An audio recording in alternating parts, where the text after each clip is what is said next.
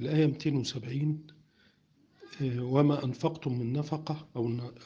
أو نذرتم من نذر فإن الله يعلمه